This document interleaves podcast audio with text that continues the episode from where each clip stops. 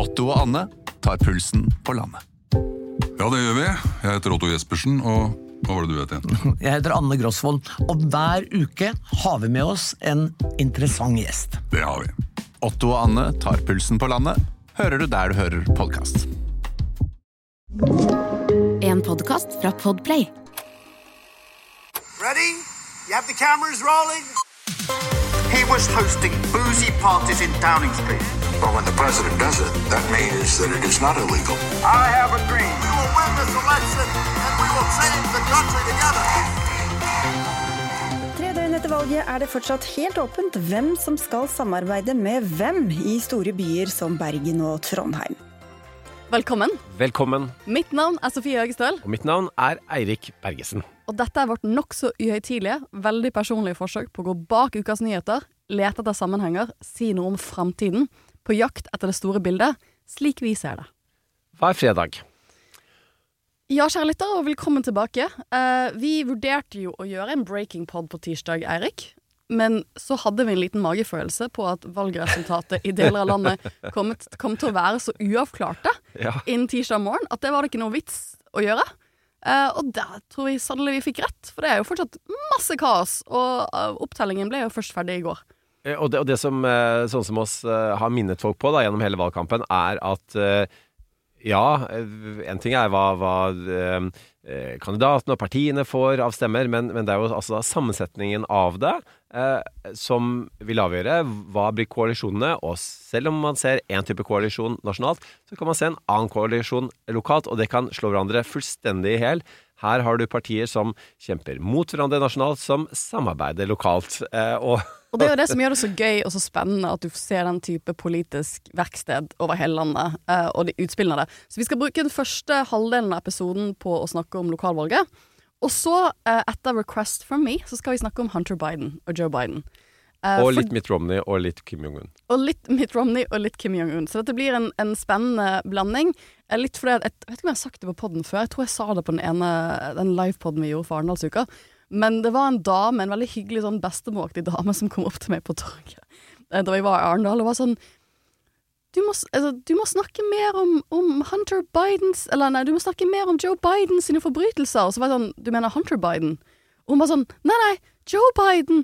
Og da var jeg litt sånn Oi, det er ikke så ofte jeg møter det i Norge, men, men jeg tror det liksom, Så nå skal, jeg, nå skal jeg faktisk svare ut til dels det denne eldre kvinnen kom opp til meg og sa på Sørlandssent- Eller på det senteret, lille senteret de har i Arendal. Så, så altså, du vet at du åpner døren nå for at alle konspirasjonsteoretikere kan komme bort til deg på gata eh, og få tilegnet en episode basert på deres uh, Det blir ikke en hel rants. episode, altså. Det blir ikke en hel episode, men, men vi, Biden vi crime family der, altså.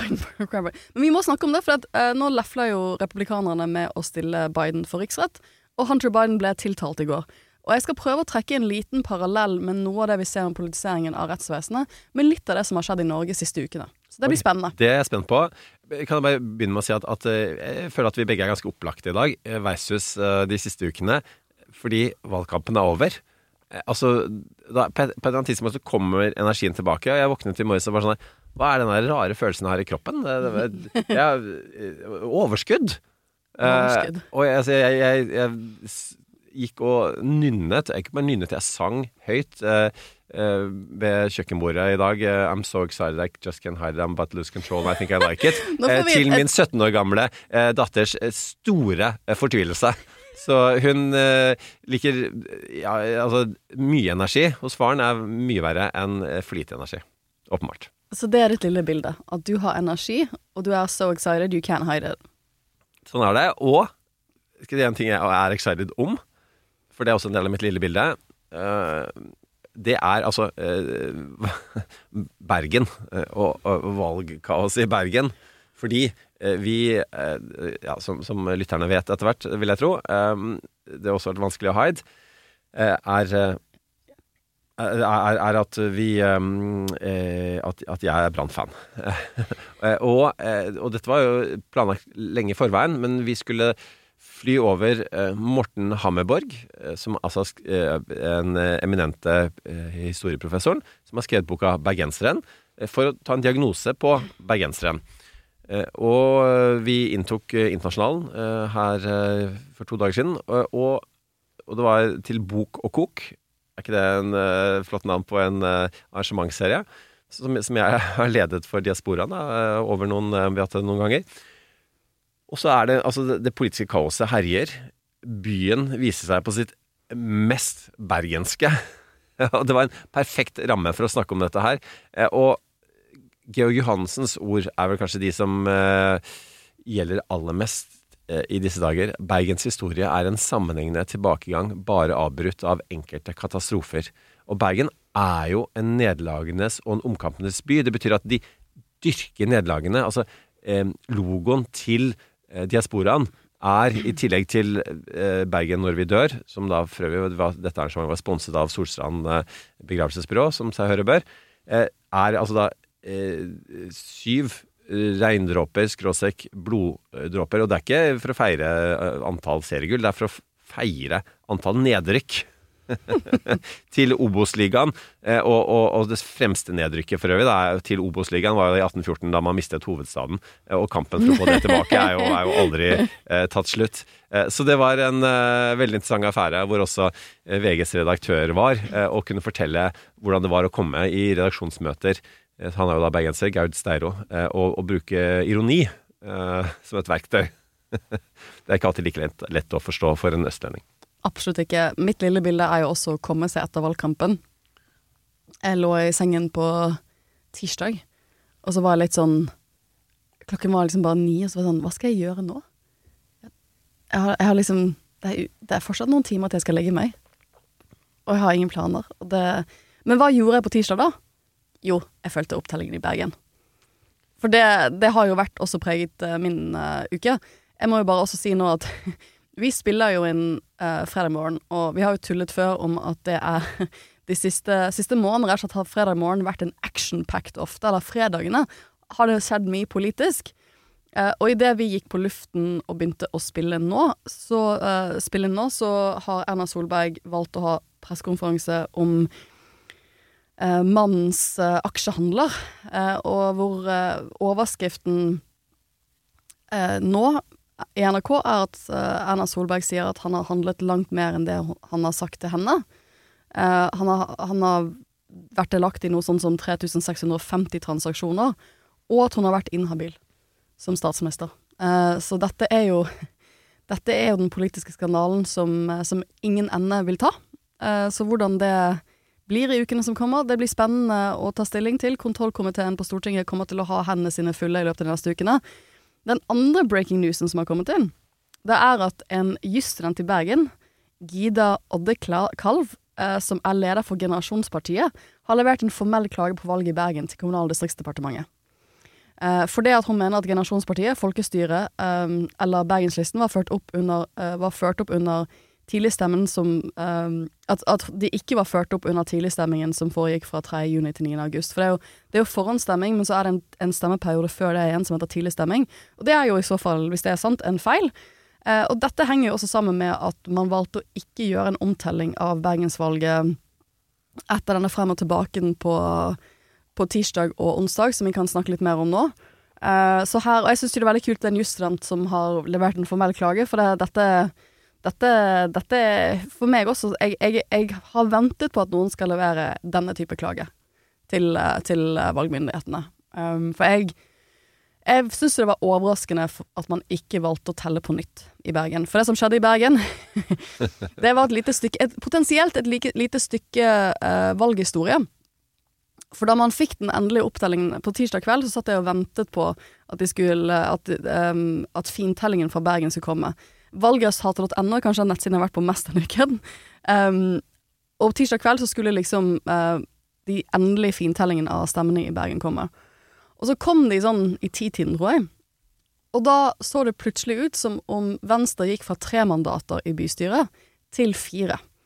Og grunnen til det um, og Jeg syns det var veldig rart på tirsdag kveld, for det at det så jo ut For den endelige opptellingen, så hadde jo Bergenslisten, som frem til det tidspunktet hadde hatt det fjerde mandatet, uh, de uh, hadde jo på opptellingen av valget flere stemmer enn det Venstre hadde. Så hvis du ser på opptellingen nå, så har Bergenslisten 7382 stemmer, mens Venstre fikk 7364 stemmer. Så det er virkelig ingen Altså, det er mm, bitte liten forskjell, men, men det var flere av oss som var litt sånn Oi, sant. Dette er stort, ikke sant. Hvis Venstre får én til mandat Plutselig fikk Venstre da i fintellingen ett til mandat i Bergen. Det fikk også Miljøpartiet De Grønne. Og konsekvensene av å flytte på de to mandatene var at det kanskje kunne være et rød-grønt alternativ i Bergen. For i Bergen så sitter jo Venstre i bystyret, eh, leder Bergen sammen med Arbeiderpartiet, og har gjort det i åtte år. Med forskjellige typer partier. Så der har vi virkelig vært blokkuavhengige. Um, så det var ek ekstremt spennende, men så syns jeg også Jeg også veldig over at vi hadde jo mindre um, Mindre stemmer på denne siste fintellingen. Og da var det jo klart at det som måtte avgjøre denne forskjellen, måtte være slengere. Og da handlet jo hele onsdagen om hva betyr sleng... Altså, jeg, jeg, tror Jeg ble oppringt av noen journalister som bare ville ha en forklaring. For jeg var sånn Du, jeg, jeg kan ikke kommentere norske valgresultater, jeg er aktiv i Venstre. Men de hadde Fordi at jeg satt i valglovutvalget, så hadde de spørsmål om, om liksom hvordan slengersystemet fungerer. Eh, og jeg tror veldig mange tenker på slengere som noe hyggelig som ikke har så mye å si. Sånn hyggelig pluss til folk i andre partier. Det er jo da Stjerne i boka. En stjerne i boka. Dette, vet sikkert Dette vet alle våre lyttere, men det er jo da når du skriver inn Hvis du stemmer på eksempel Venstre, og så skriver du inn en, en en Jeg skrev inn Raymond Johansen, for eksempel, for jeg syns han er flink. Så jeg ga en liten slenger til han eh, på min eh, stemme. Men det jeg tror en del, ganske mange velgere ikke vet, at effekten av å gi en slengere, er egentlig at du deler opp stemmen din. At du, hvis du tenker på stemmen din som en sjokoladebrikke, så har du gitt bort to brikker til Arbeiderpartiet. Du har redusert verdien av din egen stemme. Du reduserer rett og slett uh, verdien av egne stemmer. Så det, jeg syns alltid det er vanskelig når jeg står i valglokalet og skal ta en avgjørelse om å gi eller, slenger eller ikke. For at, uh, særlig for to år siden, eller fire år siden i Oslo, hvor vi gjorde et sånt skikkelig dårlig valg. Det var det dårligste nasjonale valget vi har gjort på mange, mange år. Og det sier litt når det er Venstre. Uh, så var det, det var vanskelig. Det var, for det, jeg vet jo at nå står vi oppe i et krisevalg. Skal jeg redusere vekten av min stemme for å være hyggelig med andre partier? Og hvis alle venstrevelgere gjør det til motsatt fløy av politikken, så Så kan, går det så, kan det, så kan det gå galt. Men vanligvis, eh, og dette er det sikkert nå folk eh, på statsvitenskap som kommer til å prøve å, å finne ut av. Men jeg kan ikke tenke på et annet eksempel hvor slengere i seg selv har vært avgjørende for mandatfordelingen. Eh, altså hvilket partier som får mandater. Det er vanligvis ikke nok slengere i spill til at det endrer mandatfordelingen. Um, og, det se, og dette visste kanskje ikke Bergenslisten, for det som har skjedd i Bergen, er at Bergenslisten, som da er en sånn protestliste mot Bybanen i Bergen, de oppfordret rett og slett velgerne sine om å gi slengere til eh, folk på andre partier som var, også var imot Bybanen over Bryggen. Bare for å legge til det, altså, han som leder Bergenslisten, er jo da kanskje en av de mest erfarne politikerne i Bergen. Trond Tystad, Ja. som i mange år var eh, byråd, finansbyråd eh, blant annet, og, og nestleder i, Arbeiderpartiet. Eh, vært kommunaldirektør, altså måte, og, og, og tenkte at dette var en lur politisk strategi. Ja. Eh, og det viste jo seg at hans velgere lyttet, og de har gitt ganske mange slengere. Og på, eh, innen tirsdag kveld, innen den opptellingen som var tirsdag kveld, så hadde de gitt så mange slengere at de hadde slengt fra seg et mandat til Venstre. Eh, og det, det Og det var liksom Vi snakker om to og en halv stemme, liksom, på det tidspunktet på tirsdag kveld. Det sto om. Og det interessante er jo også hvem en av de de ga slengere til, som en bevisst kampanje, var da Martin Smith-Sivertsen, tidligere byrådsleder for Høyre, som altså eh, The plot thickens. The plot thickens, the plot gets complicated. viser seg at han er, var ikke valgbar i Bergen Ja. fordi han ikke bodde i Bergen. Han bodde i Bærum og var på vei til å flytte til eh, eh, London. Hvorfor var han det? utlandet? Jo, fordi han er gift med Karin Hinsbo, som tidligere var eh, museumsdirektør her i Oslo for, for eh, Nasjonalmuseet. Men nå skal bli det i Eh, Headhunted til, til Tate- eh, London. Tate, ja, til Tate Tate Modern, Modern. som er helt sykt. Det er jo sykt det- Ja. Men, men, men, okay. men, men nå forskutterer du handlingen her. For jeg står opp på onsdag, og så I'm doing my thing, og så skal For jeg var jo også sånn, det var jo sånn Jeg, jeg postet noen greier på Venstre med sånn Oh my god, vi får til mandat i Bergen! This is so exciting! Og så var liksom folk i Bergen litt sånn Ja ja, men vi må liksom se hva som skjer, for dette må bli godkjent um, av valgstyret i morgen. Og så hadde valgstyret et møte om morgenen hvor de godkjenner etter valget. Og da så det ut som vi hadde fire mandater. Og så um, er jo det som skjer at når valgstyret har godkjent um, valget, så går valgmy- de lokale, de som har uh, ansvar for um, valg lokalt, går, altså administrasjonen går gjennom alle de valgte kandidatene, de som da har fått mandater, og så sjekker de at de er valgbare. I stortingsvalg er det veldig lett, for du må bare være norsk statsborger som er over 18. Du må ha stemmerett. Da er du valgbar til Stortinget. Eh, og i stortingsvalg så er det ingen krav til hvor du bor. Men i lokalvalg så er det krav om at du innen valgdagen har flyttet til den kommunen du stiller i. Noe som for meg ikke er urimelig. Men det ser ut som denne duden fra Høyre, denne erfarne høyrepolitikeren, har trodd at det er motsatt. At, um, at regelen er at så lenge du, du må bo i kommunen når stemmingen starter, altså på starten av valgperiode, det er da man måler om du bor i kommunen eller ikke. Når stemmingen starter. Dette sjekket han ikke. Dette sjekket ikke Høyre heller. De må jo ha visst at han var på Det, det er kanskje det jeg ikke skjønner. Det, det, det var jo en fyr fra, fra INP som ikke var valgbar i Trondheim, så de hadde en litt lignende stasjon som ble valgt inn til um, lokalt i Trondheim, og så kom kontrabeskjeden etter opptellingen at du er ikke valgbar, du bor ikke i Trondheim. Og han, det så ut som han visste at han hadde liksom drept litt på draget, han ikke hadde greid å flytte i tide. Men han her virker jo som han ikke har skjønt at han har um, At han har ikke skjønt reglene, han har heller ikke sjekket reglene. Eh, Så han er jo den personen, igjen for å, for å gjøre det enda mer komplisert, som fikk nest flest stemmere, slengere i Bergen. Han fikk, masse, han fikk flere hundre slengere i Bergen. Um, og så viser det seg at han ikke er valgbar. Jeg må bare si at jeg forventer for at det, det som nå er landets største parti, Høyre, at de stiller med lister med folk som er valgbare. Her hører vi ganske mye bitterhet. For det, det at han ikke var valgbar da fikk jeg, For det, det som skjedde, var at jeg fikk en telefon da fra mine gode kollegaer i Bergen Venstre. Sånn Vi ser at han ikke er valgbar. Uh, Bergen-listen vil da at alle slengene skal tilbakeføres til sin liste. Og da var jeg sånn øh, Hva er reglene for dette? Og da var det oppe i valgloven, da. Og da er det jo slik at øh, det står i valgloven at det er, valg, altså det er slengere til valgbare kandidater som overføres. Og når han da ikke er valgfa- valgbar, så overføres de stemmene tilbake igjen til Bergenslisten. Og det gjorde at Venstre tapte det mandatet med sånn fire stemmer. Så ikke si at stemmen din ikke teller, folkens, for det gjør den så desidert. Ja, og det er en av de eh, ekstremt eh, interessante eh, utfallene eh, av dette valget. Vi, vi, har, vi snakket om det før valget også.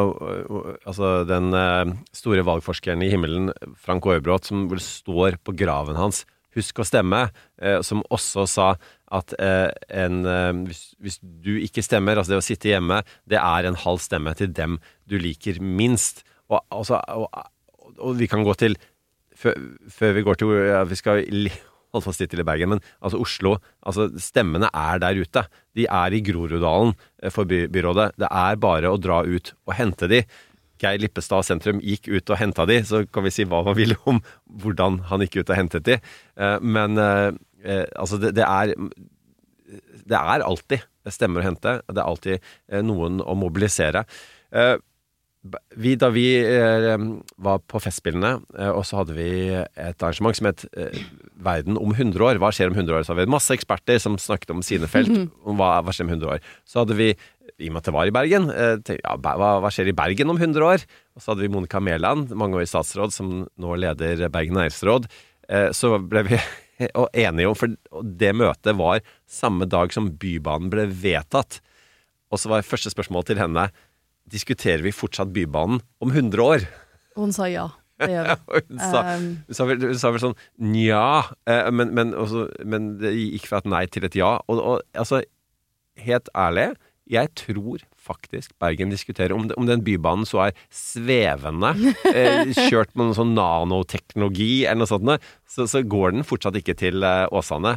Altså, det, men det, er- det er jo helt utrolig. Og, det, og dette med, dette med, med omkampen altså det er veldig få sted, altså Omkamp da, som begrep er veldig bergensk. fordi at det, de, alle, alle steder, små steder har en eller annen sånn bybanesak som man aldri på en måte tilsynelatende kommer i mål på, eh, som gjør at eh, man har partier som kanskje du kanskje får et lokal liste basert på den saken, men på et eller annet tidspunkt så blir man faktisk enige, og så legger man den død, og så går man videre. Men det gjør man altså ikke i Bergen. Det er veldig fascinerende. Nei, og Bergen har jo fått ett protestparti og eh, INP, som er en av valgets store vinnere, da. De fikk jo 3% nasjonalt, eller over 3% nasjonalt, og de fikk eh, 4,1% i Bergen.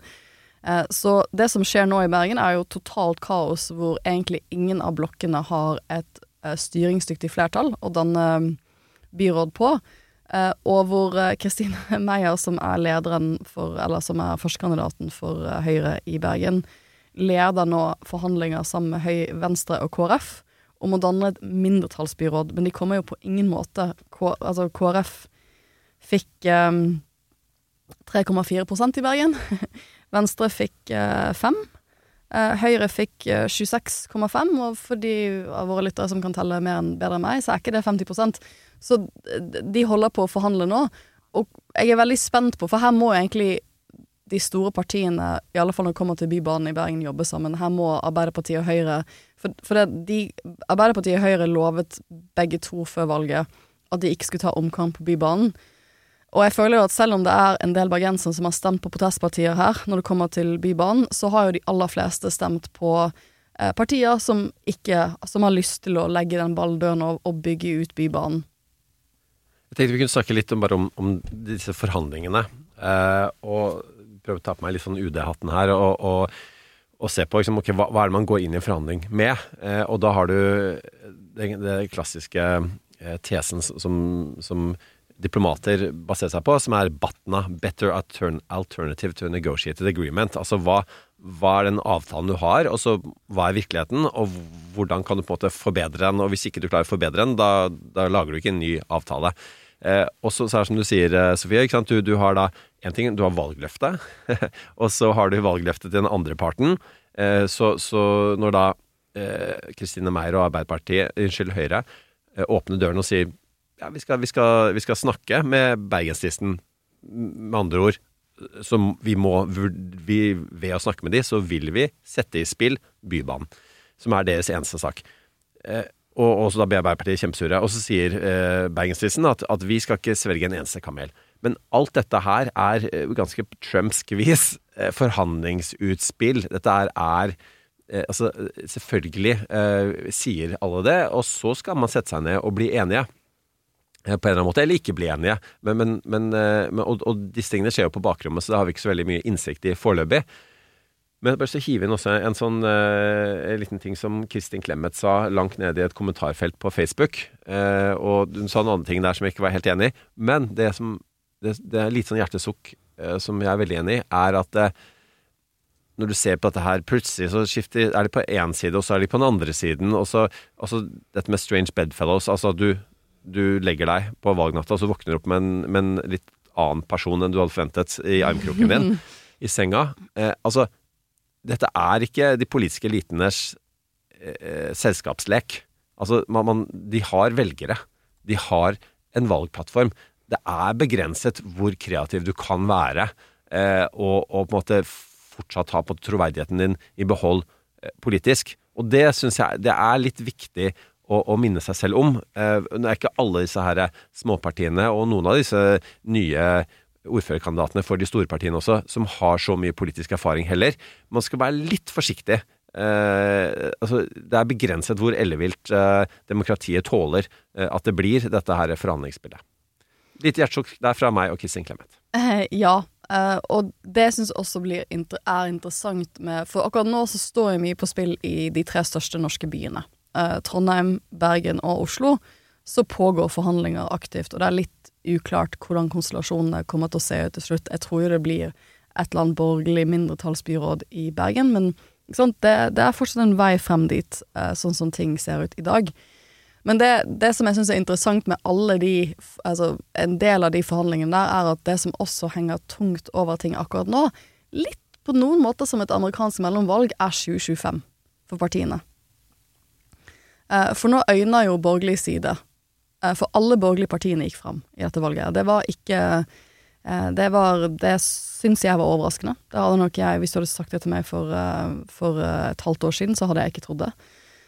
Og en, nå, nå, nå som man har begynt å kna litt på tallene, så har jo vår gode venn Tone Sofie Aglen en veldig god kronikk i dag, i, eller analyse i dag, på nrk.no, hvor hun snakker litt om hva, hvordan kan vi egentlig forstå dette valgresultatet som, som vi har fått servert. Det vil jo de politiske partiene bruke de neste ukene på å forstå. Men at det har vært et ganske sånn Ikke bare er det et historisk valg fordi at Høyre har blitt det største partiet i Norge, det er også et historisk valg, eller ganske sånn betydningsfullt valg, fordi at man har hatt mer enn 10% av velgerne som har flyttet seg fra rød-grønn side til borgerlig side i løpet av dette valget. Det er ganske stor velgerendring eh, hvis du ser på det i kontekst av andre, andre politiske eh, valg vi har hatt i Norge. NRK har en veldig sånn fin oversikt over sånn hvordan eh, blokkene liksom har endret seg eh, i stortings, eh, stortingsvalg og kommunestyrevalg. Ja, for det er jo ikke som tradisjonelt eh, man gjør, gått opp på gjerdet og satt seg. Man har gått til motsatt side, og man har heller ikke sett måte, at, at man har f.eks. SV som gjorde et OK valg, men, men, men altså, når både Ap og Sp mister så mye stemmer, så burde jo de være der for å sope opp. Eh, og de kunne jo potensielt ha tatt flere, f.eks. Det kunne også Rødt gjort, men, men de står ganske, ganske stille. Så det, dette er en sånn ganske sånn stor blokkendring eh, i et norsk valg. Og det betyr jo at en, en borgerlig side som har gått, hvor alle partiene har gått frem, eh, og en borgerlig side hvor akkurat ut ifra dette valgresultatet her, og dette er jo kommunevalg, og valgresultat på stortingsvalg ser forskjellig ut, det vet vi, men ut ifra det valgresultatet man fikk servert på mandag, så har eh, Frp, KrF, Venstre og Høyre flertall på Stortinget. Hvis det skulle, hvis dette skulle vært et stortingsvalg. Så man øyner jo et regjeringsskifte i 2025. Eh, og det betyr at eh, det nok ligger også litt over eh, disse, fall storbyforhandlingene. Eh, for det at i Oslo, for eksempel, da, det som skjer nå i Oslo, som, eh, som alle våre lyttere sikkert også følger med på, det er jo diskusjonen om det skal bli et rent borgerlig byråd som styrer byen, altså Frp, Venstre eh, og Høyre, eller om Høyre skal gå over og styre sammen med Venstre og Miljøpartiet De Grønne, slik Venstre vil. Og det er jo ikke sånn, ikke bare blir det et, sånn, ikke bare er det et spørsmål om løftebrudd for Høyre, for eksempel, for Høyre har stilt til valg på et tradisjonelt borgerlig byråd, men det ville jo også vært ehm, Det ville jo også vært noe som eksempel Frp kunne brukt mot de i et stortingsvalg om to år, når det kommer til hvem er det Høyre samarbeider med, hvem er det de, hvilke type borgerlige partier er de. Så jeg føler liksom det er mye som skjer i disse forhandlingene, og så veier liksom For de retningsvalgene eksempel Høyre tar, da, for det er Høyre som styrer i alle fall Bergen og Oslo antageligvis nå. Trondheim så er det fortsatt mye som skjer mellom blokkene. Men det er liksom hvilke type veivalg tar man som kan være målbærende for 2025? Ja, og så er det dette med at hvis Arbeiderpartiet mister ja, enkelte av disse utstillingsvinduene sine, da, eh, og, og for, bare for å ta det eh, Oslo, interessant utstillingsvindu fordi man samarbeider med MDG, noe man ikke gjør nasjonalt. Raymond Johansen var den som eh, inviterte MDG inn, som har, også har prøvd å få MDG inn nasjonalt. Og det blir på en måte det er litt sånn idéverksted for moderpartiet. Den muligheten mister hun nå. I, I Stavanger, hvor du har hatt en veldig populær, karismatisk eh, eh, ordfører i eh, Kari eh, Nestun Nordtun, eh, som da har samlet en slags sånn regnbuekoalisjon. Med andre ord, hun, hun når bredt, er, er, er flink til å, til Sjarmerende dame. stå samlende. Er, Flink til å kommunisere. Er En, en, en, et vennlig ansikt. Et Eh, vennlig, ansikt. jeg vil- beskrive henne som et veldig vennlig ansikt. Og det er jo kanskje noe Arbeiderpartiet ikke har nok av. ja. Ja. Eh, og og, eh, og, og, og, og, så, så faller de mulighetene bort. Da. Du kan liksom ikke vise til, til liksom, ja, men se så godt vi lykkes i, i, i byene. Det skal vi gjøre nå, nå nasjonalt. Uh, og, så- så er det jo på en måte Så er det jo en, en kamp nå, da, uh, også mell- mellom de to regjeringspartiene for å posisjonere seg fram Fram mot fremover 2025. 2020. Og, de på en måte og de stjeler jo litt Altså, du har jo dette her med, ikke sant, i, i nok et fotballmetafor, å spille hverandre god.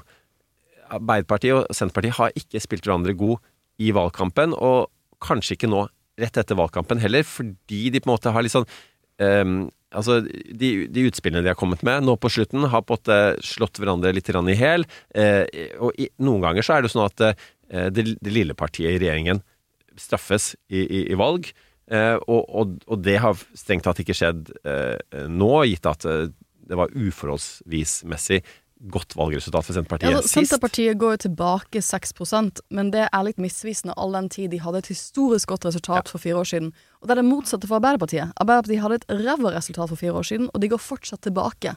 Så det er to veldig ulike utgangspunkt å måle oppslutning på. Og jeg tror ganske mange i Senterpartiet tenker at 8,2% er helt greit. Ja, og så, og så vet vi at, eh, at noe av grunnen til at SV ikke gikk inn i regjering sist, var at eh, de gjorde det såpass mye dårligere enn Senterpartiet at da vil de få mindre å si. Og så har man eh, f.eks. nå ved siste budsjett eh, fått ganske bra gjennomslag, så det, er jo ingen grunn til at de skal gå inn, gitt at st- st- stillingsfordelingen i, i regjeringen fortsatt gjenspeiler det valget, selvfølgelig. Og, og SV er det eneste rød-grønne partiet som uh, går frem i dette valget her. De andre rød-grønne partiene uh, taper posisjon. Så de, de kan jo si at den strategien de har lagt seg på disse to, to har virkelig gitt resultater. Eh, så eh, så det, er, det er veldig Det blir veldig spennende å se hvordan disse siste forhandlingene lander. Eh, igjen, for nå er egentlig eh, Nå er egentlig 2025-valget i gang. Eh, og det er litt amerikansk. sant? Du har et mellomvalg, og mellomvalget blir eh, til dels en referendum på hvor godt man liker sittende styresett i Det hvite hus. Og så, etter mellomvalget, så begynner jo neste presidentvalg. Og nå føler jeg litt Det, det, det var jo det Erna Solberg sa på valgvaken når hun holdt tale. Jeg syns hun var ganske sånn statskvinneaktig. I det at hun begynte deler av talen sin med å takke alle som stilte til valg, for alle partiene. Litt utypisk, faktisk, Ja, selv det, i Norge. det syns jeg er litt sånn raust. Eller det, da, da tar man på seg litt den rause 'jeg er statskvinne'-rollen. Og eh, det var jo egentlig en litt sånn statsministeraktig tale å holde. Å si tusen takk til alle for alle partier som har valgt å stille til valg. Ikke? Dere gjør Norge bedre, vi blir bedre sammen. Um, og så avslutter han jo avslutter han talen med sin, sin med nå, Og jeg ser jo fremover, så nå er det neste valg. Uh, Og det har vært et veldig tydelig budskap for for henne. Nå må jeg jo si igjen at jeg ser Jeg har liksom live oppe utviklingene her på NRK. På pressekonferansen. På pressekonferansen, og det ser jo ut som finnes Altså mannen hennes har tjent 1,8 millioner kroner på aksjehandel mens hun var statsminister. Og hun har vært i tårer under denne pressekonferansen, eh, og sier at Sindre har ikke vært ærlig mot meg. Eh, så her er det mye som Det er jo interessant, denne pressekonferansen kommer da fire dager etter valget. Det er mye man kan si om det. Én ting som er ganske åpenbar, er hvis det var eh, Jonas Gahr Støre som sto der og snakket om at eh, kona hans hadde gjort akkurat det samme som Sindre Finnes har gjort, og for øvrig at, at hun kanskje også sa det samme som Sindre Finnes gjorde, at det aller vanskeligste med å være gift med eh, ektefellen sin, er at man ikke kan handle aksjer. Men det hindrer man ikke i å handle aksjer. aksjer. Eh, hvis det hadde vært, så altså, er det noen tvil om at Jonas Gahr Støre hadde måttet gå? Finnes ikke. Finnes ikke. Og så er det litt med eh, aksjer i Arbeiderpartiet og i arbeiderbevegelsen, og aksjer i Høyre. Det er, det er, Det er to, to to, forskjellige ting. ting. Eh, sam, samtidig så, så er det liksom noe med Det, det, det viser i hvert fall eh, hvor flink krisekommunikator Erna Solberg er. At, at hun måte har krisekommunisert rundt Er- eh, Sindre Finnes i ganske mange år nå, eh, og kommet unna med det. Kanskje ja, og så velger hun å gjøre en pressekonferanse. Det ser jo ut som hun prøver her, da vi får se om det er alle kortene på bordet, men legge ut alle kortene på bordet. Um, for også hvis man skal være litt kynisk på det, så er det jo uh, Denne fredagen er den lengste fredagen til neste valg. så ved å gjøre det nå, så det er jo litt sånn taking out the trash, mens mye annet skjer i norsk politikk. Eh, og så er det jo urettferdig. Vi snakket om, med, med en av gjestene våre etter sending for, to, altså, for noen uker siden om at det er en forskjell på å bli tatt for noe sånt etter du har gått av. Hadde det skjedd mens hun var statsminister, hadde det vært utløst en massiv regjeringskrise. Eh, og et spørsmål om hun kunne bli sittende som statsminister. Nå er, det, nå er dette en del år tilbake i tid, og velgerne Det er jo litt det vi ser at velgerne ser fremover. Eller det er litt min analyse av valget vi har hatt på mandag. Og det er jo litt den eh, Jeg var jo litt sånn skeptisk til å gjøre en valgepisode, for A, jeg er litt lei av valget, eh, og B, så er det jo også slik at akkurat nå så ser vi jo kampen om narrativet. Eh, Hva, hva handlet egentlig dette valget om? Hvilken side vant egentlig? Eh, og det hadde man også det, det er jo en av de interessante tingene som har skjedd denne uken, som Tone Sofie uh, og en del andre kommentatorer har tatt opp de siste dagene, er at man gjør jo sånne store velgerundersøkelser. Og velgerundersøkelsen fra 2021, Uh, som uh, kom, har nylig kommet ut, og den heter 'Politikk i urolige tider'. Det kom ut en uke før valget, Valget. nå. nå. Så Sånn er det med sånn sant? Det tar tid, ikke sant? for de, de gjør jo en skikkelig dypt, dypt Dette er en dypanalyse av stortingsvalget 2021. Jeg har ikke lest boken ennå. Um, den er på 344 sider. Uh, men det er dyktige valgforskere så, uh, som da har gjort et dypdykk i tallene, og en av de tingene de peker på, eller som blir diskutert nå, da, er at eh, tross eh, 2021 var jo et ekstremt imponerende valg av rød-grønn side i norsk politikk. Sant? De fikk 100 stortingsmandater bak seg. Det var veldig mange som gjorde mye ut av at dette her viser at, eh, at norske velgere flyttet seg mot venstre. Eh, og det er jo litt det denne analysen igjen Jeg har ikke lest boken så litt tvil om, er om velgerne egentlig ble så mye mer røde i fargene enn det man kanskje kunne se ut ifra valgresultatet. Eh, sånn, liksom, om de egentlig skifter seg ideologisk. Og det, Der har vi jo mye av debatten som har vært siste år, særlig som har vært veldig vanskelig for Arbeiderpartiet, hvor du har en, en mer Selvfølgelig mye mer fremoverlent og eh, hva skal vi si eh, selvsikker venstreside i norsk politikk, som sier at vet du hva, nå har vi et valgresultat som viser at norske velgere ønsker progressiv rød politikk, rød-grønn politikk. Det må vi levere på. Og så, de, så pusher de liksom, og det har vært liksom mye av narrativet fra 2021-valget. Og nå er jo da spørsmålet om det kanskje altså, Og nå kommer det til å bli en omdebatt. Jeg føler sånn, De debattene jeg har sett på sosiale medier de siste dagene, har jo vært ganske harde ordutvekslinger om akkurat dette spørsmålet her. ikke sant? For nå er jo spørsmålet er det en høyrebølge, er barna våre liksom blitt blå-blå, hva er det egentlig som skjer? ikke sant? Eh, for Man prøver å finne ut av er, hvor er vi egentlig som nasjon, hva er det som er viktig for oss? Hva er det dette valget prøver å si til oss som er viktig som oss om politikk nå? Og jeg tenker jo at som alle andre sånne samtidsanalyser, så vil vi ikke helt forstå det før om noen måneder. Så jeg synes at det er jo interessante diskusjoner, men det er jo begrenset hvor mye klokere vi blir akkurat nå. For akkurat nå er det mye følelser rundt folk som har tapt og vunnet valg. Jeg husker jo veldig godt eh, forrige kommune, kommunevalg, hvor eh, Venstre gjorde et skikkelig dårlig valg, eh, og som for vår del startet en prosess som eh, endte med et partilederskifte. Så det er jo en del av meg som har tent et stort lys for mine venner i Arbeiderpartiet denne uken, for den, eh, den sesongen de skal gå gjennom de neste månedene nå, var jeg gjennom fire, måneder, eh, fire år siden. Det var ikke spesielt gøy. Det, var, det er ingenting gøy med å ha et historisk dårlig valgresultat som gjør at eh, partifeller begynner å spise hverandre i et søk etter hva som gikk galt. Og det er det de neste månedene kommer til å handle om, antageligvis i norsk politikk. Og uten at eh, jeg skal ikke tvinge deg til å gå i detaljer rundt den personstriden i Venstre, men hvis du skal prøve også som et råd til andre, eller som et, et, et frampeik til det som kommer til å skje, altså, hva er det som er spesielt Altså de som nå søker makt, eh, de søker å, å komme i posisjon, de søker å, på en måte, at deres saker og temaer skal vinne frem. Hva, hva er det som skjer strategisk nå? Jeg tror det skjer veldig mye strategisk nå. Jeg tror det vi glemmer, eller det som er sånn Det som eh, er veldig tydelig hvis man er aktiv i et parti, det er at realiteten for veldig mange i Arbeiderpartiet neste, eh, om to-tre uker er at de er arbeidsledige.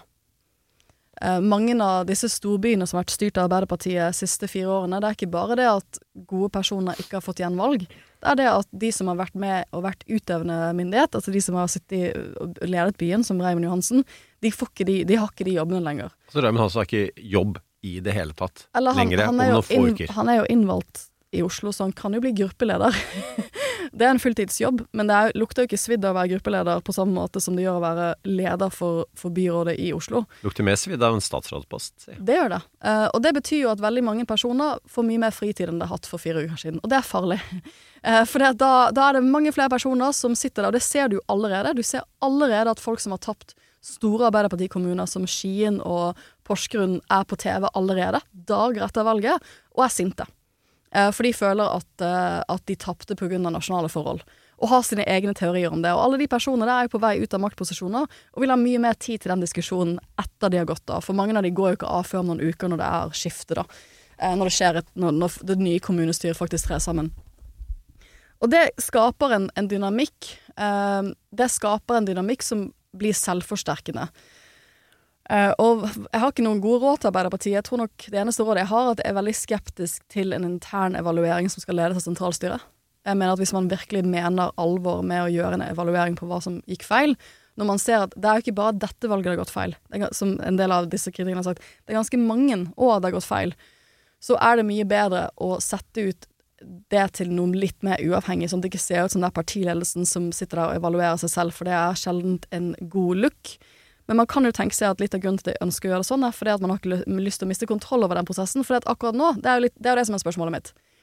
Greier man å beholde kontroll inntil neste år, eller mister man kontroll? Og hvis man først mister kontroll, så kan mye skje. Man kan jo Jeg skal ikke si altfor mye om hva som skjedde det. Eh, skjedde 2018, 2019 i Eller 2019, 2020 i Venstre, men da mast jo ledelsen kontroll, som endte med at Trine Skei Grande gikk av Et halvt år etter valget. et halvt år etter valget. Eh, ikke sant? For da, da Og det sa hun selv, det var ikke et grunnlag for henne å styre lenger. Det toget gikk fra henne. Så hvis man mister, det, hvis man, mister kontroll over det toget, og Arbeiderpartiet er mye større, det er mange flere fløyer, Eh, og jeg er jo veldig usikker på om det er noen internt i Arbeiderpartiet som orker å begå et sånn type maktpolitisk kupp internt. Men spørsmålet mitt nå selvfølgelig er er det noen der som reelt sett har en ambisjon om å gjøre det, eh, og har lyst til å bruke den krisen man er i til å si at vet du hva, vi, vi kommer oss ikke videre uten et ordentlig lederskifte nå. Ja, At noen vil vurdere det, selvfølgelig. Sånn er politikk, Sånn er og sånn er Arbeiderpartiet. Og sånn er Arbeiderpartiet. For at eh, Venstre er jo mye forskjellig, men, men, men Arbeiderpartiet er jo maktpolitisk. Som de har maktkamper, er det rått, altså.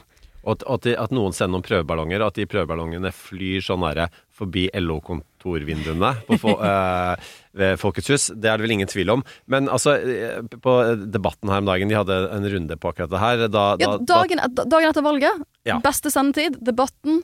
Eh, Jan Christian Vestre uh, må stå der i en rolle jeg ikke har sett henne før.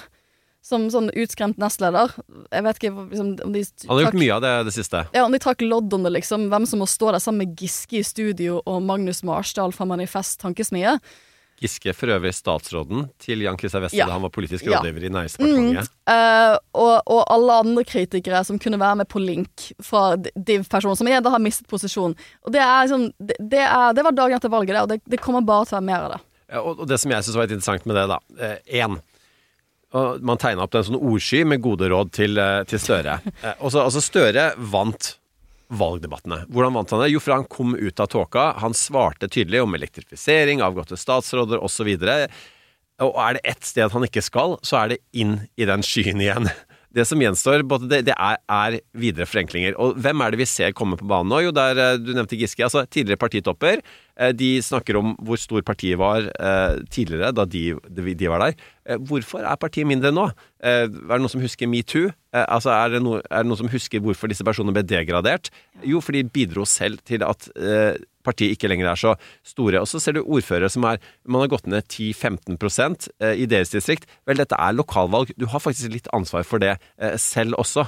Eh, Sånn at det Og så er det noen som har gått frem. eh, 10-15% f.eks. i Arbeiderpartiet. Kanskje man skal lytte til de. Hva, er det de har gjort lokalt, som man kan på en måte aggregere opp nasjonalt og, og la seg inspirere av? Og det er jo problemet er at alle kommentatorer kommer til å snakke om dette her. Alle, alle kommer til å bruke denne krisen til å fremme sin egen politiske agenda og sin egen narrativ eller forklaring på hva som er feil. Sånn. Magnus Marsdal har sitt eget forklaring, som ikke er så på, på hvorfor dette, eh, dette har gått så feil for Arbeiderpartiet. Det er jo det at de ikke har levert god nok venstrepolitikk. Men det har vært analysen fra God nok manifestpolitikk. det har vært Manifest uh, sin analyse i mange mange år, så det er jo ikke noe nytt. Det, men ehm, men ehm, Nei, jeg tenner oppriktig et lite lys for, eh, for venner i Arbeiderpartiet. For den, den perioden mellom valget eh, i eh, 2019 og eh, da Trine gikk av i mars eh, 2020, var skikkelig drittmåneder. Det var skikkelig ikke gøy. Eh, så jeg eh, Ja, det, det er jo ikke gøy. Men nå skal jeg si jeg skal, jeg skal, Nå skal vi bygge en bro over til amerikansk politikk. Kan, kan jeg være med å bygge den broen? Ja, ja. Um, men, jeg, men jeg vil bare si sånn til, til, til, til alle mine venner på høyresiden i norsk politikk. Jeg tror det er også veldig viktig å huske at dette her var et godt valg. Alle gikk frem. Men det å tenke at man skal cruise inn og vinne 2025, basert på dette valgresultatet her, er ytterst naivt. Hvis du går tilbake til eh, lokalvalget i 2015, så fikk Arbeiderpartiet 33% De gjorde et brakvalg. Eh, Høyre fikk 23% Arbeiderpartiet var 10 større enn de. Um, var det slik at uh, Arbeiderpartiet Og alle trodde jo, vi glemmer det jo, men alle trodde Arbeiderpartiet skulle vinne valget i 2017. Alle, inkludert Arbeiderpartiet. Og det var nok litt av problemet. At man ble så man, man ridde så høyt på en del av de meningsmålingene der at man tenkte at selvfølgelig vinner vi i 20... Det var jo mitt inntrykk, i hvert fall. Selvfølgelig vinner vi 2017-valget. Eh, og så ble det heller historien om at alle skal ned. Eh, og det for meg var jo 2017-valget kanskje den kneiken som binder den nedovergående stigende kurven vi er, som Arbeiderpartiet har vært inne i. Så eh, det, hvis man tror fra, liksom, Hvis man tror at dette er over, at det er naturlov nå, at det blir et borgerlig maktskifte i 2025, så er det bare tull. Det er historieløst. Det er mye som kan skje, og nå ser jeg at uh, breaking news Økokrim vil vurdere Finnes-saken. Så ingenting er ferdig. Og, og, og apropos det, at eh, alt som går opp, everything that comes up eh, goes down. Altså, ehm, vi kan også minne oss selv om at eh, i 2005 så gjorde Erna Høyres dårligste valg siden krigen. I 2009 så fikk hun under 10% på målingene. Og det, Ja. kritikken hagla eksternt internt. Etter det passerte hun av Willoch som den lengstsittende statsministeren i Høyres historie. Det eh, Støre har slitt med, er jo blant annet eh, metoo, eh, og han har slitt med habilitet med statsråder. Det er ikke gitt at det blir verken metoo eller habilitet med statsrådet neste gang. Hvis, hvis det, det er aldri smooth sailing i politikken. Og hvis han Men- ja, får snudd opp økonomien? Hvis vi når, når rentetoppen i løpet av de neste ukene, man får snudd om økonomien, man får litt schwung på ting, og man får, kanskje man får til en konstruktiv selvransakelse om hva som har gått feil, og man får bygget sammen det den brede koalisjonen som Arbeiderpartiet har vært, og man får lappet det sammen til 2025, så er det ingen som kan tro at Arbeiderpartiet ikke kan vinne i 2025. Ja, og det er min eh, bidrag til, til broen videre. Fordi eh, ja, det, det var, det, var det, eh, er alle mulige forklaringer nå, og, og alle de forklaringene gjelder. eh, fordi at, eh, at med, en- såpass tilbakegang. Men den fremste forklaringen, for man, man må forenkle budskapet fram til stortingsvalget, det er nok det veldig amerikanske økonomi. ikke sant? Der snakker man om 'it's economy stupid'. Og stupid-delen av det resonnementet innebærer at det er det er ikke woke, det er ikke vindmøller som må avgjøre valg i en slik situasjon eh, hvor eh, renten går opp og folk får mindre penger. Jo, det er eh, økonomi, og de som ikke skjønner det, de er dumme, eller de har vikarierende motiver. Det er økonomi som gjelder, og, og, og, det er viktig eh, at man fokuserer på det. For at the end of the day, da, for å fortsette å snakke litt engelsk her, eh, så, så er det altså hvordan folk føler at de får mer penger.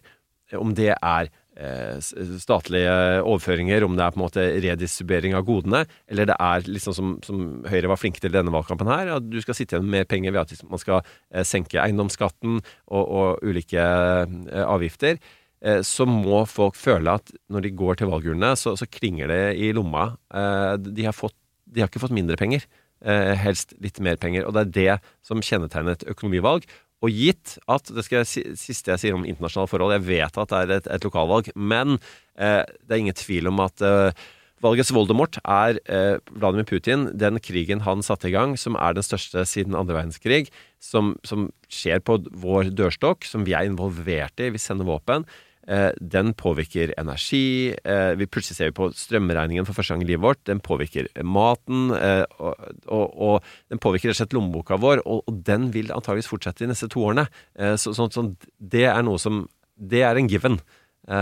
til, ved, ved valget nå neste gang, og, og det må også Arbeiderpartiet lage en, en fortelling rundt, som ikke innebærer å gi Putin skylda, selvfølgelig, for tilstanden i Norge. Og med det så gjør vi et hopp til eh, Trump og Biden. Eh, og da er det på tide med en liten Trump-jingle. Quiet, quiet, quiet. You are a rude, terrible person. Ok, Nå har vi snakket oss helt bort her. Vi, vi skulle ikke gjøre denne biten for lang. Men Eh, jeg eh, sa jo, jeg sa jo til deg at vi kommer ikke, vi kan ikke begrense lokalvalg. Det er det hodene og hjertene Nei. våre er fulle av. Nei. um, for det, dette skulle egentlig være min bro. Uh, det var jo veldig uplanlagt at Sindre uh, At Økrim allerede er på banen og sier at de skal se på uh, Sindre Finnes-saken. Men, men det som skjedde i USA i går, var jo at eh, Biden sin sønn, Hunter Biden, ble tiltalt av, av Justisdepartementet i USA for tre um, tre tiltalepunkter som går på ulovlig våpenoppbevaring i første omgang. Det er jo ikke verdens største forbrytelse. Men litt av det som har skjedd i USA siste, siste halvår, eller over lengre tid, er jo denne snakk om politiseringen av Justisdepartementet. Og vi har ikke snakket ordentlig vi har, vi har vært innom Hunter Biden, men vi har ikke snakket ordentlig om det. Og dette, den lille broen jeg skal prøve å bygge, da, er at um, når, når jeg har vært og snakket om Når jeg har snakket om tiltalene mot Trump og um, polit, hvor politisert sakene mot Trump er, så har det vært vanskelig å trekke en norsk parallell. Eh, rett og slett. For heldigvis så, så, så har vi ikke uh, den type politisering av rettsvesenet i Norge. Men eh, jeg kan jo eh, Det har jo vært mye diskusjon, jeg registrert, på sosiale medier etter at Økokrim valgte å ikke iverksette en gransking av Eller en etterforskning av Anniken Huitfeldt, eller hennes mann, enn så lenge. Eh, og litt av grunnen til det var jo at sjefen for Økokrim har vært statssekretær i Arbeiderpartiet. Og han meldte jo seg inhabil med en gang. Eh, og så var det nestlederen hans som tok den beslutningen. Eh, og så tok hun nestlederen beslutningen ganske raskt, og det ble det en del kritikk Eller da, det kom en del reaksjoner for at, de, at, de, at de gikk ut så raskt etter Anniken Huitfeldt-saken kom ut, og sa at nei, vi kommer ikke til å etterforske denne saken, til forskjell fra Ole Borten Moen-saken. Eh, og det har jo eh, Og så gikk, tilbake, eller så gikk Økrim tilbake og tenkte seg om igjen. Brukte litt mer tid på det, og så kom ut eh, hva var det, forrige fredag og sa at de kommer ikke til å etterforske, eller de, de ser ingen grunn nå til å iverksette en etterforskning mot Anniken Huitfeldt eller, hennes mann. Eh, og det har jo skapt en, i alle fall en diskusjon på deler av mine sosiale medier om polit politisert og politisering. Er, og, og ideen om at det er vanskelig å forstå denne forskjellsbehandlingen mellom de to. Uh, og en diskusjon om hvorfor ikke, hvis, hvis Økrim sin sjef er inhabil, hvorfor er ikke hele embetet inhabil? Hvorfor har ikke Riksadvokaten tatt tak i denne saken selv? Og det, det siste syns jeg er kanskje viktig, at, at jeg tror kanskje Man får kanskje et inntrykk av at Riksadvokaten har undervurdert eh, det politiske sprengstoffet som ligger i en sånn sak, når, eh, når eh, sjefen for Økrim har vært i Arbeiderpartiet, og, og mye av de konspirasjonsteoriene som eksisterer i norsk eh, kontekst rundt Ap-staten. Eh, og at eh, jeg kan dele noe av den kritikken at jeg tror det ville sett mer kledelig ut hvis Riksadvokaten hadde gått inn og gjort denne vurderingen selv. Jeg er ikke så skeptisk til vurdering. Jeg kan forstå, Dette har jo du og snakket om. Jeg kan forstå den vurderingen de har gjort. Men her får vi jo en liten smakebit av hvor politisert disse tiltalespørsmålene er i USA. Eh, For det som har skjedd i USA, er at man har jo hatt disse tiltalene mot, um, mot uh, Trump, og da har jo hele tiden forsvaret til deler av det republikanske partiet vært at Men se på Hunter Biden, han, han har gjort masse greier, han blir ikke ordentlig etterforsket. Uh, og han har fått en sånn skikkelig sweet plea deal, som var statusen for noen måneder siden. At han hadde inngått et samarbeid med påtalemyndigheten om å få strafferabatt, egentlig. På en måte vi ikke har i Norge. For en av forskjellene mellom Norge og USA er at i USA så har påtalemyndigheten mye mer skjønn i når de skal ta ut tiltale. Eller discretion. Det betyr at de har mye mer valg om de ønsker å ta ut tiltale eller ikke. I store deler av, Europa så er det slik at hvis det er en uh, alvorlig nok forbrytelse, er, og du som påtalemyndighet har nok eh, bevis til å bevise saken, så kan du ikke velge å ikke ta tiltale. Da, du, da må du ta ut tiltale. Mens i USA så har påtalemyndigheten mye mer skjønn. Eh, og da har det jo selvfølgelig blitt diskusjoner om eh, man har brukt et litt mildere skjønn når det kommer til Hunter Biden. Man har jo prøvd å imøtekomme dette her ved å ut, eh, utnevne spesialetterforsker, ved å fortsette å ha saken etterforsket av en Trump-utnevnt statsadvokat for å vise at dette er politisk uavhengig. Eh, men problemet til påtalemyndigheten er at når de først har inngått denne ganske, det som så ut som en ganske sånn snill eh, eh, samarbeidsavtale med, med Hunter Biden, hvor han ikke egentlig fikk noe fengselsstraff, og det han innrømmet straffskyld for, var ganske små, fisjete ting, så falt den avtalen sammen i retten. For det er ikke slik at du bare kan påtalemyndigheten og den personen som er tiltalt, bare kan bli enige om dette uten den dommer. Når de først har blitt enige, så skal de gå foran en dommer, og så skal de fremlegge avtalen. Og i løpet av den fremleggelsen så ser det ut som partene har misforstått hverandre, og misforstått litt hva de tenker om denne avtalen. Så den faller fra hverandre på ganske dramatisk vis i retten. Og hva er det det gjør? Det bygger jo opp rundt hele det narrativet til Det republikanske parti om at dette er shady, shady shit. Eh, og når den faller fra hverandre, så sier jo påtalemyndigheten, eller Justisdepartementet, men da, da blir det full etterforskning, da. Og nå ser vi resultatet av det ved at han har blitt tiltalt for uh, i går. Uh, og det kan, den tiltalen kan jo kanskje bli utvidet og, og inneholde ekstra, um, ekstra snacks. Uh, og dette skjer parallelt med at Kevin McCarthy, denne utskremte lederen til republikanere i Representantenes hus, han har vettskremte lederen. Vettskremte lederen. Han har da plutselig gått med på å starte en innledende gransking mot Joe Biden for korrupsjon i Kongressen, som kan ende i riksrett. riksrett som Ja. mulighet. Uh, og det er jo mye hvis, hvis, Jeg føler sånn når jeg leser liksom um, republikanske pregede medier, da, og Ekkokammeret, så er det jo bare Nå må vi ta, vi må ta igjen for, for Trump. Det er masse korrupsjon. Dette må vi ta igjen for. Og du ser jo hvor endeløst politisert rettsstaten har blitt, eller rettsvesenet har blitt i USA, og hvor utrolig skummelt den nedovergående spiralen er. Ja, fordi det, altså, det, det, som, det enkle svaret på, på, på republikanernes kritikk her, da, hvis du er demokratisk eh, strateg, er jo at eh, ok, dette eh, Altså dette systemet med, med eh, partioppnevnte, eller altså du stiller til valg eh, som demokrat eller republikaner når du, når du er eh, statsadvokat osv. Eh, det er jo noe begge parter er sammen om. Eh, og, og den advokaten som eh, Altså den dommeren, f.eks., som vi så også nå, nå sist i aksjon med Proud Boys, var jo en, en Trump-oppnevnt dommer. I den forstand at den var, gikk, gikk til valg som republikaner da Trump var president. Det er jo ikke Trump selv som har gått inn og, og sagt at du eh, har jobben. Men eh, så, så, så begge parter er, er sammen om det. Og det andre er på en måte at eh, Hvor ille er det egentlig? da? For det første, demokratene viser at eh, ja, straffeforfølg Hunter Biden. Kjør på. Det, altså, det, det, det, er, er greit, på en måte. Vi skal ikke legge oss eh, opp i det altfor mye. Eh, Og det andre er på en måte at ja, det, dette kjøttbeinet da, som da republikanerne nå løper etter er det, er det viktig? Er det noe som faktisk folk bryr seg om hva Hunter Biden har gjort eller ikke? Han er har jo ingen, ikke hatt noen politiske verv, i motsetning til eh, Trumps eh, barn. Sånn at eh, så, ja, men jeg, jeg tror også det er naivt. Jeg tror at Mm. det Vi så hvordan eh, Trump og hans kampanje i 2016 veldig eh, På en eh, veldig målrettet måte bygget opp et narrativ om at Hillary Clinton er korrupt. En del av en korrupt verdenselite. Så for meg er dette bare fortsettelsen. Det er å bruke en gammel playbook som han brukte mot eh, Hillary Clinton for å vinne 2016-valget. Og, de prøvde i 2020. Ja. Masse snakk om Hunter Biden i 2020. Liksom, for all del, dette prøvde de i 2020 også, men nå, nå har de jo fordi at de har, de har um, eh, flert, et veldig knapt og skjørt flertall i Representantenes hus, så kan de prøve å bruke de, de maktene de har der, til å, å, å prøve seg nok en gang på den hesten. Og sammensverge liksom Joe Biden med Hunter Biden og med en sånn større korrupsjonsnarrativ. Um, og det, det som, det som jeg, Jeg så en del intervjuer med eh, replikanere i Representantenes hus om dette at de ønsket å starte en riksrettetterforskning mot, uh, mot eh, Biden.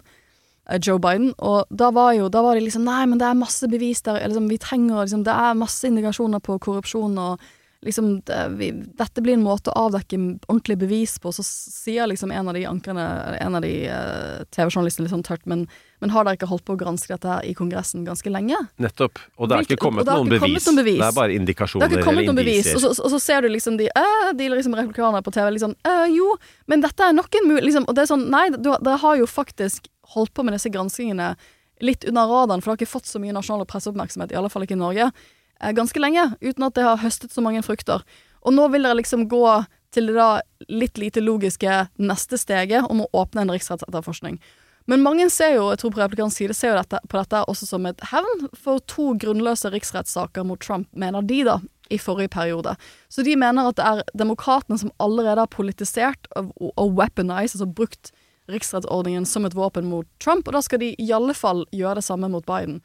Og bare for, sånn, for en liten oppfriskning, måten riksrett fungerer på i USA, er at det er Underhuset, altså Representantenes hus, som blir sånn påtalemyndighet. Det er de som etterforsker saken, og så tar de ut en tiltale. Og måten de tar ut en tiltale på, er at de må stemme over det, alle sammen må stemme over det, i Representantenes hus. Og hvis det er et flertall, de trenger bare et enkelt flertall, så blir det eh, Så blir, sak, så blir det tatt ut en tiltale, og den blir sendt til Senatet, og så blir liksom Senatet domstolen.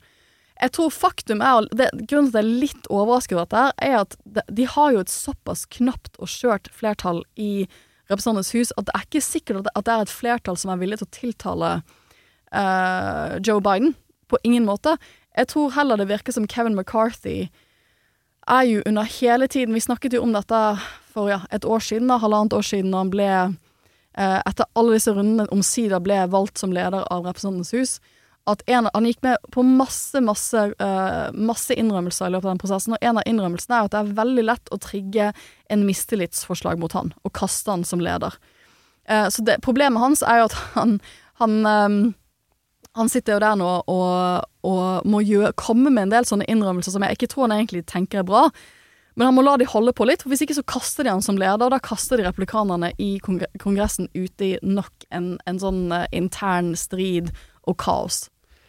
Eh, Bare lyst til å slenge på i fortsettelsen av uh, tingenes tilstand i amerikansk politikk. Altså Mitt Romney uh, skal nå pensjonere seg. Mange kjenner han som på en måte the last moral man standing i uh, det republikanske partiet. Altså den som faktisk er villig til å si at keiseren ikke har klær. Som er villig til å, til å forsvare konstitusjonen, demokratiet og, og det som det som en gang var kjernen i det republikanske partiet. Han sier at, eh, at han er er for gammel. Eh, Han mener at både Trump og Biden burde trå til side og slippe yngre krefter til. Eh, Men allikevel eh, synd, for å si det sånn, eh, for eh, amerikansk eh, politikk. Og, og så er det den, den aller tristeste internasjonale nyheten, eh, som jeg syns også er verdt litt oppmerksomhet. Eh, Kim Jong-un tok the midnight train to Moscow. Eh, Og, og treffer Det er jo noen sånn 24 timer det tar å, å ta tog. Han og faren og, og bestefaren osv. tok eh, tog, for de tør ikke å fly. De kan ikke fly av åpenbare grunner. Åpenbare grunner. Eh, og, og altså til Russland for å forhandle om eh, at Våpensamarbeid. ja, og de har, altså rett og slett, de har for få prosjektiler i Russland. De, har, de skyter så mye eh, på hverandre i den krigen at de er tomme for prosjektiler, og de prosjektilene som har vært lagret, de er eh, på sovjetvis lagret så dårlig at de er ubrukelige. Eh, og, og, altså, og, og fordi eh, eh, Sør-Korea og Nord-Korea har så mye prosjektiler fordi de venter på å begynne å krige på hverandre, at det er det Putin vil ha. Altså, hvor sørgelig er ikke den nyheten? Jeg, jeg, jeg klarer ikke å komme på noe, på noe verre. Og det at det er på en av de få igjen som er villig til å snakke med Putin i det hele tatt, det sier jo alt om eh, tingenes tilstand i Russland. Ja, og neste uke i kveld så sprakk nyheten om at Zelinskyj kommer til å reise til USA neste uke. Det blir spennende, det kommer vi til å følge med agurkøyne her i podden. For ting skjer jo i verden, og uh, Joe Biden på sin side har jo blitt møtt de siste ukene av noen ekstremt nedslående meningsmålinger som sier at selv hans egne velgere mener at han er for gammel til å stille som presidentkandidat i 2024. Eh, så det her har vi masse å snakke om, for det var jo det Mitt Romney gjorde på vei ut døren. der Han sier jo et stikk ikke bare til Trump, men også i aller største grad til Biden. Eh, som, og han kommer ut med en bok nå, den boken ser jeg frem til å lese. Eh, for jeg tror vi får en helt en, nok en sånn innsideportrett av hva som har skjedd med det republikanske partiet. Men vi har ikke fått det fra en så stor ledelsesskikkelse på den måten som Mitt Romney. Så, Men poenget er jo uansett man er i USA eller i, i uh, Norge, og om man er misfornøyd med Biden eller man er misfornøyd med Støre, hvem andre har man som kan slå den reelle motstanderen på motsatt side i den reelle virkeligheten, og ikke en tenkt virkelighet? Og per nå så er det fortsatt Biden og Støre. per nå. Uh, dette det- skal vi snakke mye om. Ja, du må springe må springe. du skal, til, du skal til noen eh, britiske venner. du.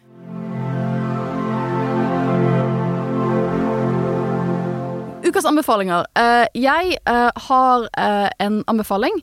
For hvis du har lyst til å se på noe helt annet enn alle disse alt politikk, eller liksom, noe mye mer sånn stor sci-fi-drama, Foundation på Apple TV, ute med sesong to. Det er basert på sånn storslått sånn sci-fi-bøker. Spanning som flere hundre år. Veldig komplisert, men jeg, jeg digger det.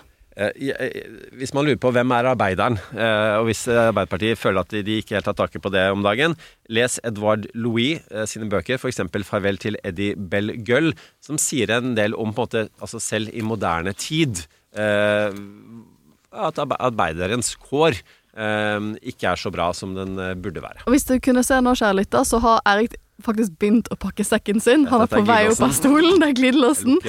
Han må springe ut av døren. Ha en eh, flott eh, helg og en fortreffelig neste uke, alle sammen, så lyttes vi. Vi lyttes snart. That's enough. Put down the mic. Du har hørt en podkast fra Podplay. En enklere måte å høre podkast på. Last ned appen Podplay, eller se podplay.no.